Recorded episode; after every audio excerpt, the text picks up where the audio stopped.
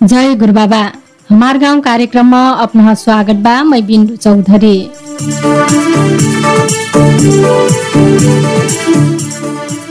हमार गाउँ कार्यक्रम रेडियो गुरु बाबा एफएम उनानब्बे दशमलव सात मेगा से प्रत्येक अठारक मंगरक बुधक व शुक्रक बिहान साढे सात बजे से प्रसारण हुना करत। वसैक बब एफएम गुलरिया साठी FM Rajapur रामज्ञानो FM Madhuban radio Tiger Bhurigaun भुम्मर Bhawani FM अगैया Banke Hatemalo FM Janaki गाउँपालिका प्रतिबोध एफएम कोहलपुर से फे यह बेला सुन बिए।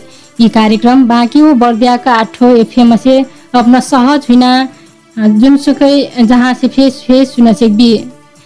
कोरोना भाइरस कोभिड उन्नाइस रोग संक्रमणमा से कसीको बस्ना याकर लक्षण कसिन रहत उपचार कहाँ कहाँ मिलत कसिन ठाउँमा मिल्ठा कोरोनाको कारण से पर्लक प्रभावका विषयमा मेरमेरिक सरोकारवाला व प्रभावित पक्ष बीच छलफल गरिना उद्देश्यले यी कार्यक्रम सञ्चालन गरिदिलखो कोरोना भाइरसका संक्रमण एक मनन से फे और मननमा सर्ना रोग कोभिड उन्नाइसका रोग महामारी संसारभर फैलल बा गैलक वैशाख तेह्र गते से नेपाल फे लकडाउनका अवस्थामा बा। आज हाम्रो हमार गाउँ कार्यक्रममा जिल्ला स्वास्थ्य कार्यालय बर्दियाका प्रमुख गोकर्ण गिरी से बर्दियामा कोभिड उन्नाइस और महामारी अवस्था कसिन रहल बा। वाकर नियन्त्रण कर का कसिका का कसिन करती रहल बा कसिको बा कना विषयमा जिल्ला स्वास्थ्य कार्यालय बर्दियाका प्रमुख गोकर्ण गिरी से बात बटैने बाटी। अपना फे रेडियो अपना फे रेडियो सुन्टी बाटी कलसे स्वास्थ्य कार्यालयका प्रमुख जीवन कोभिड उन्नाइस का कौनो फे समस्या वा जिज्ञासा हुई कलसे हमार स्टूडियो फोन नंबर अंठानब्बे पाँच अस्सी उनसाठी डबल जीरो तीनमा फोन कैख।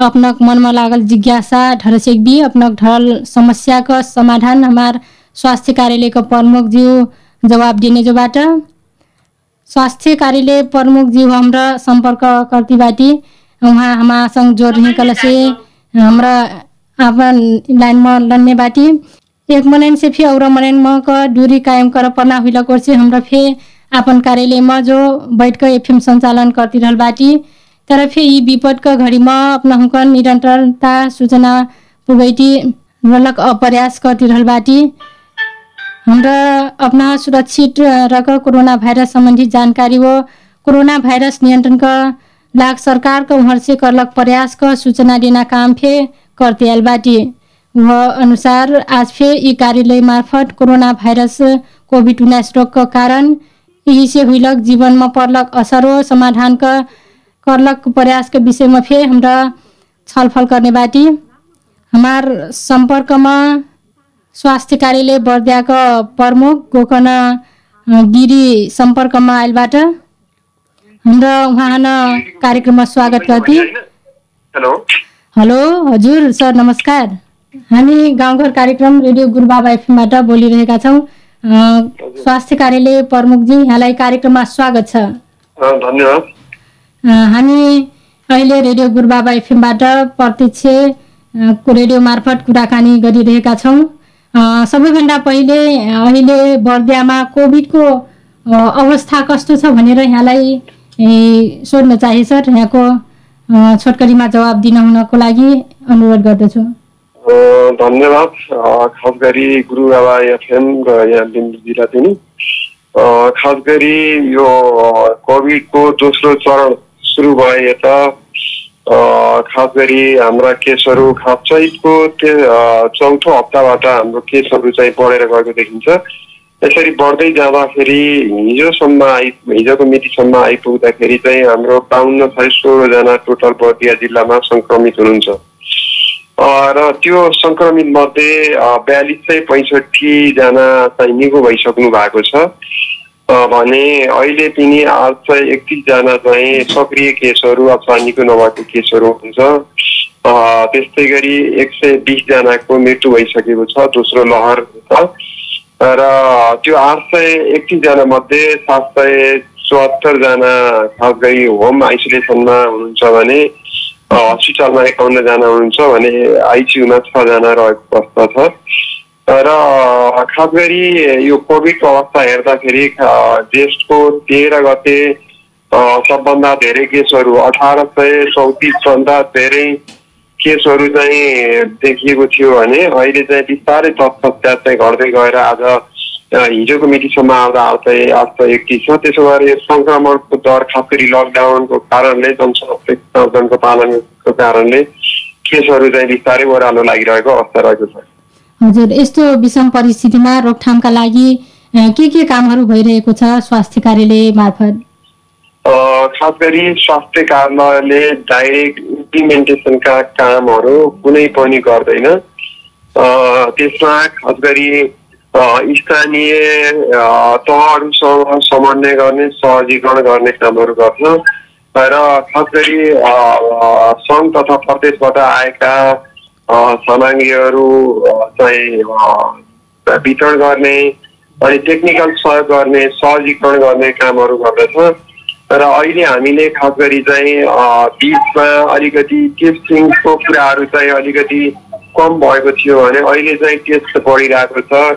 एन्टिजेन किटहरू हामीसँग प्रशस्त छ त्यस्तै पिसिआर जसलाई चिन्ह लक्ष्य देखिएको छ उहाँहरूको पिसिआर पनि पठाइरहेको छ। र सँगसँगै सेवाहरू हाम्रा स्वास्थ्यले प्रदान गर्नुपर्ने आधारभूत सेवाहरू पनि हामीले चाहिँ सँगसँगै स्वास्थ्य कर्मीहरूले सँगसँगै प्रदान गरिराख्नु भएको छ। तर अर्को चाहिँ जनस्वास्थ्यका मापदण्डका पालन गर्ने कुरोलाई पनि बढाउनको निम्ति सचेतनाका कुराहरू स्वास्थ्य संस्थामा आउने महानुभावलाई भन्ने कुराहरू गरिराख्नु भएको छ। हजुर सर। अब सरकारी लगायतका यो निजी स्वास्थ्य संस्थाहरूलाई पनि यो अनुगमन र नियमन गर्ने चाहिँ जिम्मा स्वास्थ्य कार्यालय बर्दियाले गर्छ कि यो कोभिड व्यवस्थापन समितिले अहिले गरिरहेको छ? के छ? यो खास गरी स्वास्थ्य संस्थाहरूको अनुगमन गर्ने कुरा कोभिड जिल्लामा जिल्ला कोभिड सङ्कट व्यवस्थापन केन्द्र डिसिसिएमसी भन्ने छ। त्यो डिस श्रीमान प्रमुख जिल्ला अधिकारी ज्यूको अध्यक्षतामा त्यो समिति रहेको छ। त्यो समितिले अनुगमन गर्छ हेर्छ र त्यसमा टेक्निकल्ली सपोर्ट गर्ने सँगै हेर्ने कुरो सँगै स्वास्थ्य कार्यालयले पनि गर्छ। र यसरी गर्दै जाँदाखेरि हामीले उहाँहरूलाई चाहिँ सहजीकरण गर्ने हो। अनि अन्तर्गत जसरी पहिला सङ्घीयता आउनुभन्दा अगाडि डाइरेक्ट स्वास्थ्य कार्यालयले नीति निर्देशन पालन गर्ने अथवा चाहिँ डाइरेक्ट स्वास्थ्य कार्यालयको प्रत्यक्ष निगरानीमा अथवा प्रत्यक्ष निर्देशनमा कामहरू हुने हुन्थ्यो अहिले त्यसरी चाहिँ हुँदैन अहिले हामी चाहिँ प्रदेशको इकाइको रूपमा रहेका छौँ र हामीले सहजीकरण गर्ने काम गर्छौँ उहाँहरूलाई फिडब्याक गर्ने काम गर्छौँ पृष्ठपोषण दिने काम गर्छौँ र उहाँहरूलाई यस्तो सुधार गर्दाखेरि राम्रो हुन्छ भनेर भन्ने काम गर्छौँ र त्यसको गर्ने जिम्मा चाहिँ स्थानीय त अथवा स्थानीय सरकारको नै हजुर हजुर सर अहिले यो अवस्थामा यो सुरक्षित रहनका लागि अहिले लकडाउन जुन आदेश जारी गरेको छ आवत जावत यो सामान्य त अब बन्द नै छ होइन?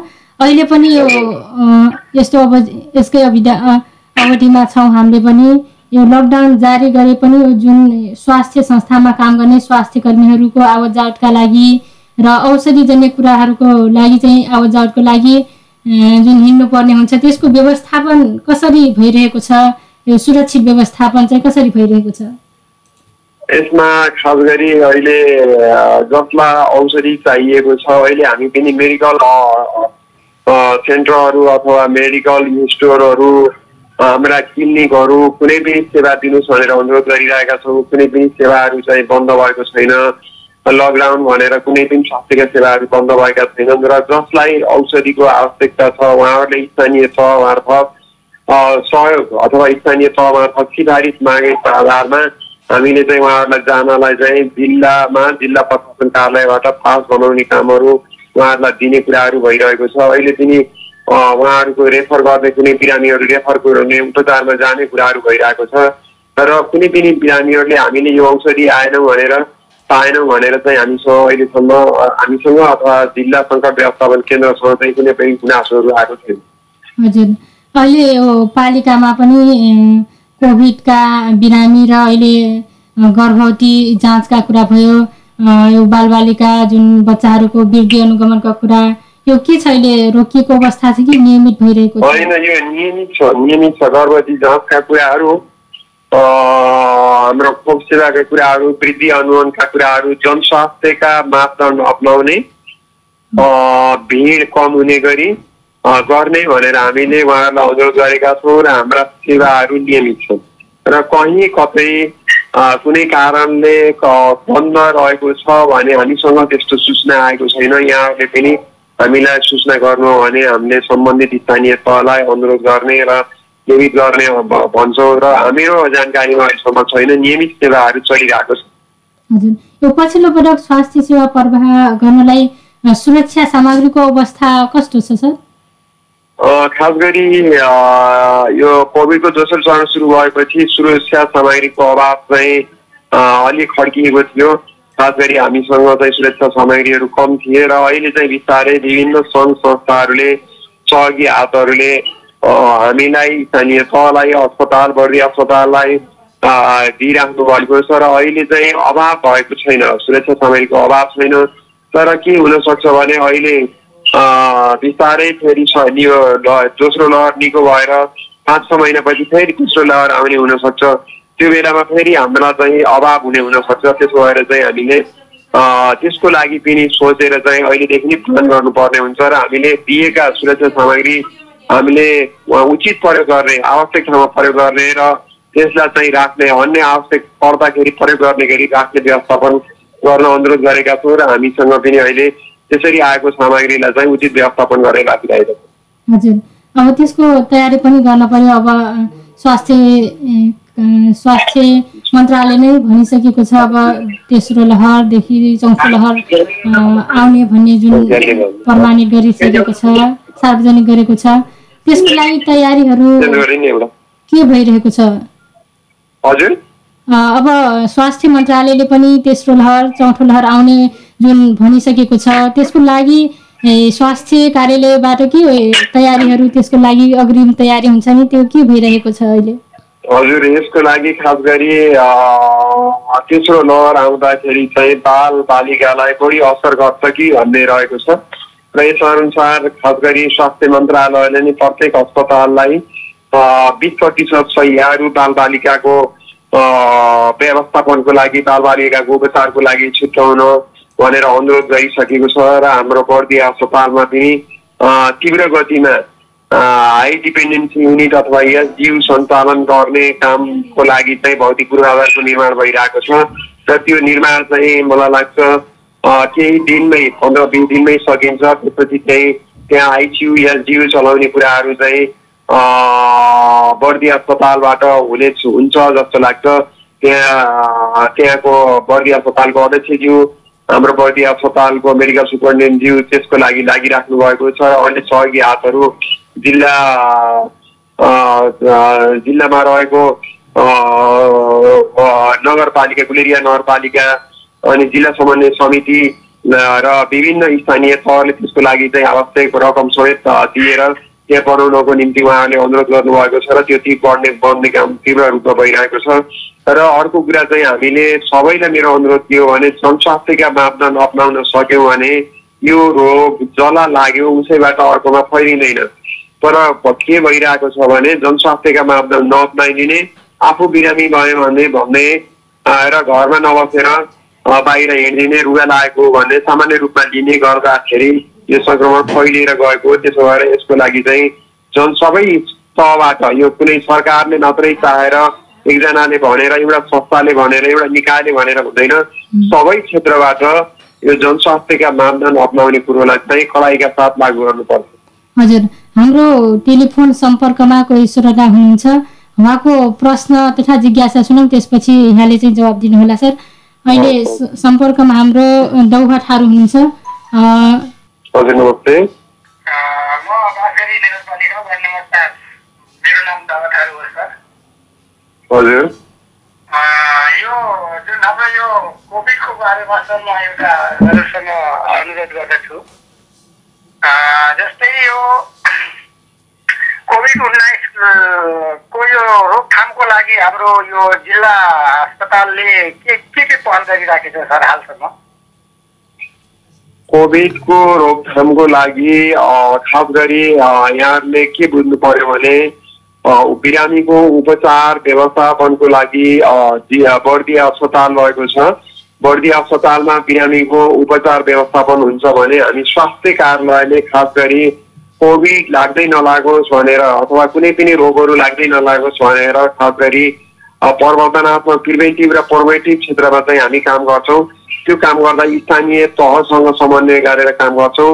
र मैले अहिले पनि अनुरोध गरिसकेँ बर्दिया अस्पतालमा कोभिडको बिरामीको लागि पहिला हामीले कोभिडका बिरामीहरू राख्ने थिएन भने त्यहाँ अहिले सत्र बेड चाहिँ कोभिडको बिरामी राखेर उपचार व्यवस्थापन गरिराख्नु भएको छ। हिजो पनि त्यहाँ नौजना बिरामी कोभिडका बिरामी उपचार गराइराख्नु भएको छ। त्यहाँ खास गरी चाहिँ पहिला अक्सिजनका सिलिन्डर कमी थियो अहिले चाहिँ अक्सिजन सिलिन्डरहरू प्रशस्त मात्रामा रहेको छ। र सबै स्वास्थ्य कर्मीहरू उहाँहरू आफै सङ्क्रमित भए भए पनि कामहरू गरिराख्नु भएको छ र अहिले है मैले भने एसडियु हाई डिपेन्डेन्सी युनिट जसलाई र आइसियु को उपचार व्यवस्थापनको लागि भौतिक पूर्वाधार तीव्र रूपमा भइरहेको छ र त्यो तत्पश्चात चाहिँ खास गरी आइसियुमा राख्ने बिरामीहरूलाई त्यही उपचार व्यवस्थापन गर्नको निम्ति तत्पर हुनुहुन्छ भने स्वास्थ्य कार्यालयले यो सङ्क्रमण यो सङ्क्रमणबाट बस्नको लागि यो सङ्क्रमण नहोस् भन्नका लागि जनचेतना फैलाउने कुरा स्थानीय तहसँग समन्वय गरेर स्थानीय तहमै अस्पताल अस्थायी कोभिड अस्पताल सञ्चालन गर्ने कुरा उहाँहरूबाटै भएको छ। यद्यपि स्थानीय तहमा लक्ष्य यो सञ्चालन गर्नु पर्यो भनेर उहाँहरूलाई चाहिँ अलिक हजरताउने कुरा लगायत यो जनस्वास्थ्यका मापदण्ड पालन गर्ने कुराहरू र आगामी दिनमा हामी कहाँ कोभिड आयो तेस्रो लहर आयो भने त्यसको लागि चाहिँ स्वास्थ्य सामग्री लगायत उचित व्यवस्थापन गर्ने त्यसको टेस्टिङ गर्ने कुराहरू त्यसको परीक्षण गर्ने कुराहरू ला त्यसलाई परीक्षणलाई बढाउने कुराहरूमा स्वास्थ्य कार्यालयले सहजीकरण गरिरहेको छ। हजुर सर। अहिले अब खोप पनि कोभिड खोप पनि अहिले जारी नै छ खोप लगाइराख्नु भएको छ। अहिले बर्दियामा कतिजनाले चाहिँ खोप पाउनुभयो सर? यो खास गरी हामीले यो दुई यसभन्दा अगाडि सुरुमा सुरुको अवस्थामा स्वास्थ्य कर्मीहरूलाई र खोप प्रदान गरेका थियौँ उहाँको चौध गत चौध गतेबाट तत्पश्चात नेपाल सरकारको निर्णय अनुसार अ, फेरि दोस्रो प्राथमिकतामा परेको व्यक्तिहरू जो पत्रकार साथीहरू कर्मचारी साथीहरू अनि जनप्रतिनिधिज्यूहरू लगायतलाई फेरि हामीले दोस्रो मात्रा पर- दोस्रो चरणमा खोप प्रदान गऱ्यौँ भने तत्पश्चात ज्येष्ठ नागरिकहरू पैँसठी वर्ष माथिको नागरिकहरूलाई फागुनको तेइस गतेबाट खोप प्रदान गऱ्यौँ र अहिले यसरी गर्दाखेरि छ हजार नौ सयजनाले जुन पहिलो प्राथमिकतामा परिसक्नु भएको थियो उहाँहरूले दोस्रो मात्रा पनि पुरा गरिसक्नु भएको छ भने करिब उन्नाइस हजारजना ज्येष्ठ नागरिकले पहिलो मात्रा लगाएर दोस्रो मात्राको प्रतीक्षामा हुनुहुन्छ।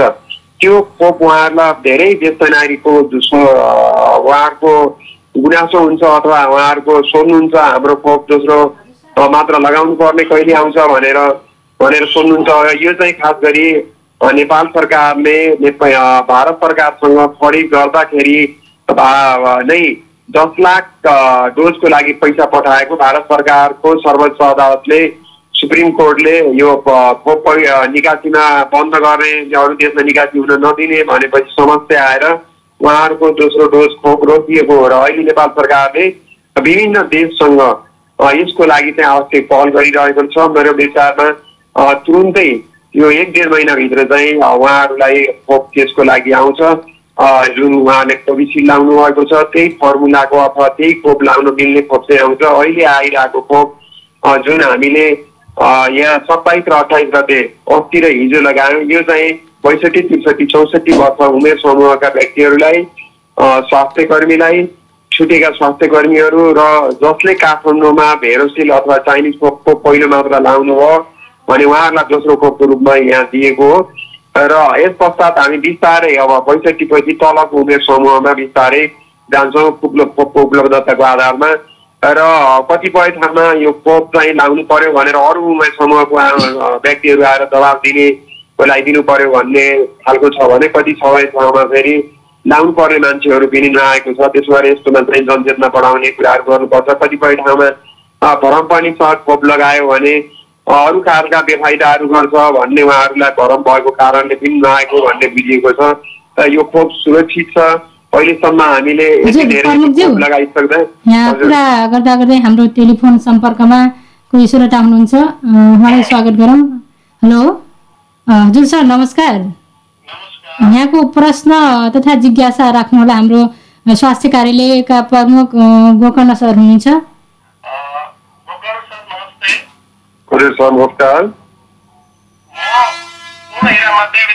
प्रधानाध्यापक गोपाल सुवेदी अ, यहाँलाई केही जिज्ञासाहरू राख्न छु हजुर सर हजुर अब हामी चाहिँ नेपाल सरकार शिक्षा तथा शिक्षा विज्ञान तथा संस्कृति मन्त्रालयको निर्देशन परिपत्र अनुसार यही श्रावण के अरे असार एक गतेबाट विद्यार्थी भर्ना कार्यक्रमहरू सञ्चालन गरिरहेका छौँ अब यो। भर्ना कार्यक्रम चाहिँ कसरी सञ्चालन गर्न सकिएला यहाँले हामीलाई कस्तो सुझाव दिनुहुन्छ?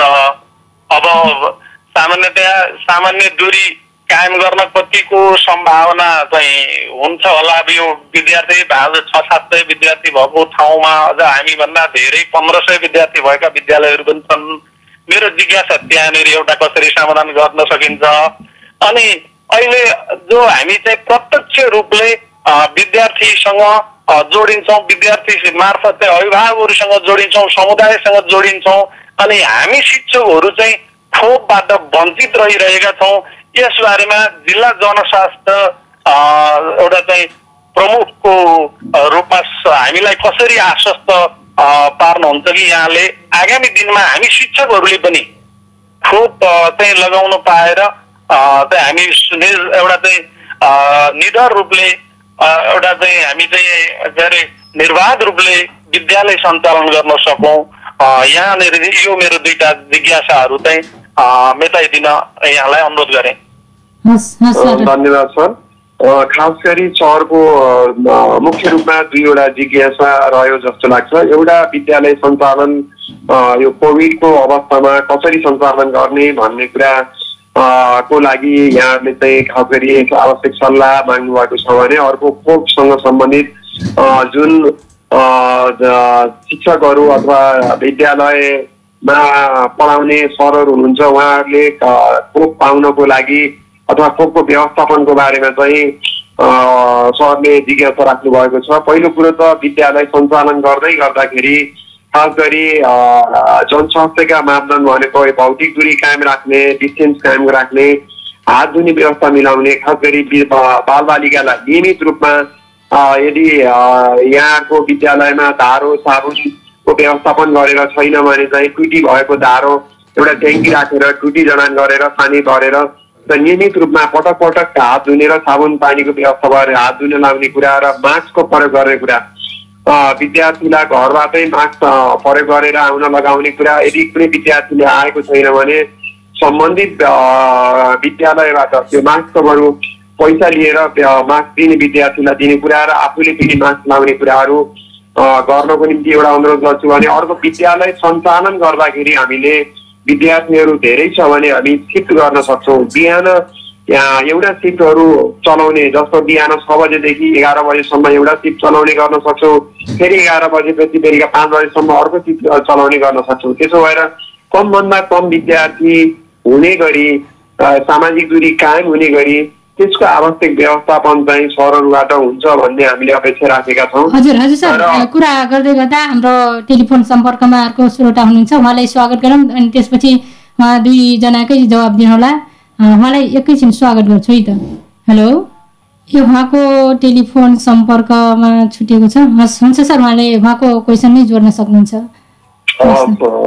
खास गरी विद्यालय सञ्चालन गर्दा चाहिँ यो जनस्वास्थ्यको मापदण्ड पालन हुने गरी सिफ्टहरू कसरी राख्न सकिन्छ सिफ्टहरू बढाउने कुरा र त्यो आठ घन्टाको ठाउँमा बरु छ घन्टा गर्न सकिन्छ कि? र बिहानैदेखि सञ्चालन गर्न जस्तो सबैजना एकैपटक आउनु पर्छ भन्ने भएन। बिहानैदेखि सञ्चालन गर्न सकिन्छ कि? खास गरी चाहिँ बिहानको समयमा कुन विद्यार्थीलाई राख्दा अथवा कति कक्षालाई बिहान गर्ने कति कक्षालाई चाहिँ दिउँसो गर्ने भनेर यहाँहरूले आफूले विद्यालय सञ्चालक समिति मार्फत चाहिँ प्रधान अध्यापकज्यूहरूले चाहिँ व्यवस्थापन गर्नुभयो भने यो सङ्क्रमणलाई केही हदसम्म न्यूनीकरण गर्न सकिन्छ। र अर्को यहाँको जिज्ञासा थियो खास गरी या- भ्याक्सिन। भ्याक्सिन प्रयोगको बारेमा खास गरी शिक्षकहरू जुन विद्यार्थीसँग प्रत्यक्ष अभिभावकसँग प्रत्यक्ष सम्पर्कमा हुनुहुन्छ उहाँहरूको लागि भ्याक्सिन को व्यवस्थापन के छ भनेर सोध्नु भएको थियो। यो भ्याक्सिन व्यवस्थापन गर्ने भ्याक्सिन ल्याउने भ्याक्सिन खरिद गर्ने र कुन उमेर समूहलाई लगाउने भनेर स्वास्थ्य कार्यालयले अथवा जिल्ला कोभिड व्यवस्थापन व्यवस्थापन केन्द्रले निर्णय गर्दैन। हामी केन्द्रको निर्देशनमा रहेर आवश्यक निर्णय गर्ने हो। र केन्द्र सङ्घीय सरकार अथवा स्वास्थ्य तथा जनसङ्ख्या मन्त्रालयले नै कुन उमेर समूहमा लगाउने भनेर चाहिँ निर्णय गरेर पठाउने गर्छ। र यसमा खास गरी सरहरूले शिक्षा विज्ञान प्रविधि मन्त्रालय मार्फत स्वास्थ्य मन्त्रालयलाई अनुरोध गरेर चाहिँ हाम्रो शिक्षकहरूलाई लगाइदिनु पर्यो भनेर अनुरोध गयो भने सायद खोपको उपलब्धता हेरेर स्वास्थ्य तथा जनसङ्ख्या मन्त्रालयबाट आवश्यक निर्णय हुन्छ जस्तो लाग्छ। त्यसो भएर यो कुराहरू चाहिँ यहाँहरूले आफ्नो जिल्लाको शिक्षा समन्वय इकाइ मार्फत र आफ्नो सङ्घ सङ्गठन मार्फत माथिल्लो लेभलमा आवश्यक निर्णयको लागि पहल गर्नको निम्ति मैले अनुरोध गर्न चाहन्छु। हस् हुन्छ सर हामी कार्यक्रमको अन्त्यमा आइसकेका छौँ। समग्रमा कोरोना भाइरस फैलिन नदिन यहाँहरूको कार्यालयबाट भइरहेको अरू प्रयासहरू चाहिँ के के भइरहेको छ? हामीले खास गरी कोरोना भाइरस नफैलियोस् भन्नको निम्ति हामीले विभिन्न सूचना सामग्रीहरू स्थानीय एफएमबाट यहाँको एफएमबाट पनि हामीले बजाउन भनेका छौँ बजाइरहेका छौँ। त्यसै गरी हामीले स्वास्थ्य सम्बन्धी स्वास्थ्य संस्थाहरू स्वयंसेविकाज्यूबाट चाहिँ जनस्वास्थ्यको मापदण्ड पालनको लागि अनुरोध गरिरहेका छौँ।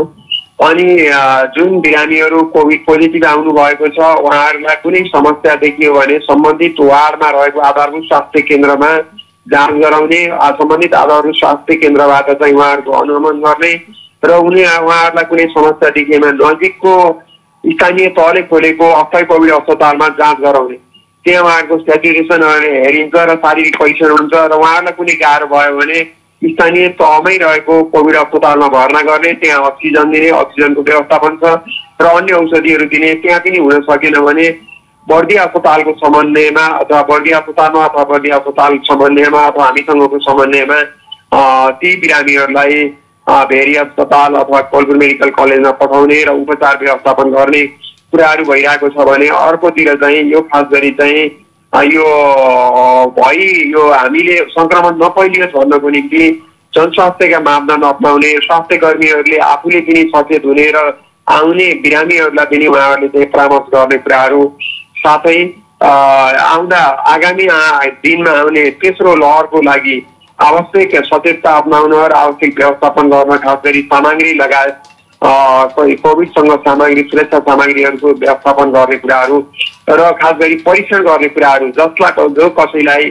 चिन्ह लक्षणहरू देखियो भने उहाँहरूको परीक्षण गर्ने कुराहरू र गर्ने कुराहरूको लागि पनि स्वास्थ्य कार्यालयले आवश्यक पहल र आवश्यक सहजीकरण गरिरहेको छ।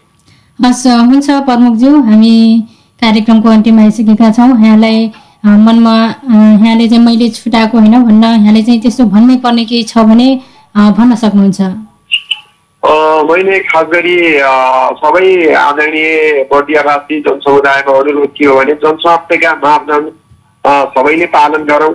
मास्क लाउने नियमित हात धुने र सामाजिक दूरी कायम गर्ने दुई मिटरको दूरी कायम गर्ने सबैले काम अप्नाऊ र अर्को कुरा खास गरी नेपाल सरकारको निर्णय अनुसार खोप कार्यक्रम आउँछ र त्यो खोप कार्यक्रम तोकिएको व्यक्तिहरू नछुट्ने गरी प्रदान गर्नको निम्ति सहजीकरण गरौँ। बिस्तारै खोपको उपलब्धताको आधारमा बिस्तारै नेपाल सरकारले अरू उमेर समूहकोलाई पनि खोप उपलब्ध गराउँदै जान्छ। अहिले हामी चाहिँ पैँसठी उमेर समूहमा आइसकेका छौँ भने बिस्तारै अरू उमेर समूहको व्यक्तिहरू पनि अब खोपको उपलब्धताको आधारमा पाउनुहुन्छ। र त्यसमा खास गरी स्थानीय समुदायबाटै ती व्यक्तिहरूलाई अरू व्यक्तिहरूले नपाउने र ती व्यक्तिहरूले पाउने सुनिश्चितता गर्नको निम्ति सजगता अप्नाऊ भन्ने अनुरोध गर्न चाहन्छु। र सबैले जनस्वास्थ्यका यो कुनै सरकारले मात्रै कुनै सङ्घ संस्थाले मात्रै कुनै निकायले मात्रै चाहेर हुँदैन। त्यसो भएर प्रत्येक व्यक्ति सचेत भएर जनस्वास्थ्यका मापदण्ड अप्नाऊ भनेर यहाँहरूको लोकप्रिय अ, गुरु बाबा एफएम मार्फत अनुरोध गर्न चाहन्छु। हस् प्रमुखज्यू यदि अमूल्य समय दिनुभएकोमा यहाँलाई पनि धेरै धेरै धन्यवाद। हामी हवस्, छुट्टिन्छौँ धन्यवाद। यहाँलाई पनि धन्यवाद।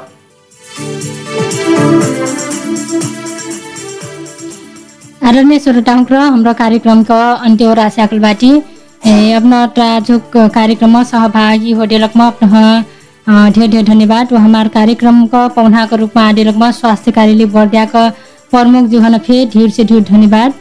अटा बेरसम्म हमार कार्यक्रम सुनदेलक म अपना फे ढेर ढेर धन्यवाद। ई कार्यक्रम सुनली त कसिन लागल अ, लागल मन में लागल अपन मन का बात हमन फोन करके फिर अपन समस्या तथा प्रतिक्रिया सकबी आज कार्यक्रम का लाग हाम्रो प्राविधिक सङ्घर्या अनुज थारू बाँकी बर्दियाका आठो एफएम का प्राविधिक सङ्घर्या हुकन जस्तक बबई एफएम गुलरिया साठी FM Rajapur रामज्ञानो FM Madhuban radio Tiger Bhurigaun Humar Bhawani FM अगैया Banke Hatemalo FM Janaki गाउँपालिका हो। प्रतिबोट एफएम कोहरपुरका प्राविधिक सङ्घर्या हुकन फे ढ्या ढ्या धन्यवाद देती मै कार्यक्रम प्रस्तुता बिन्दु फे बिदा हुइटु। जय गुरु बाबा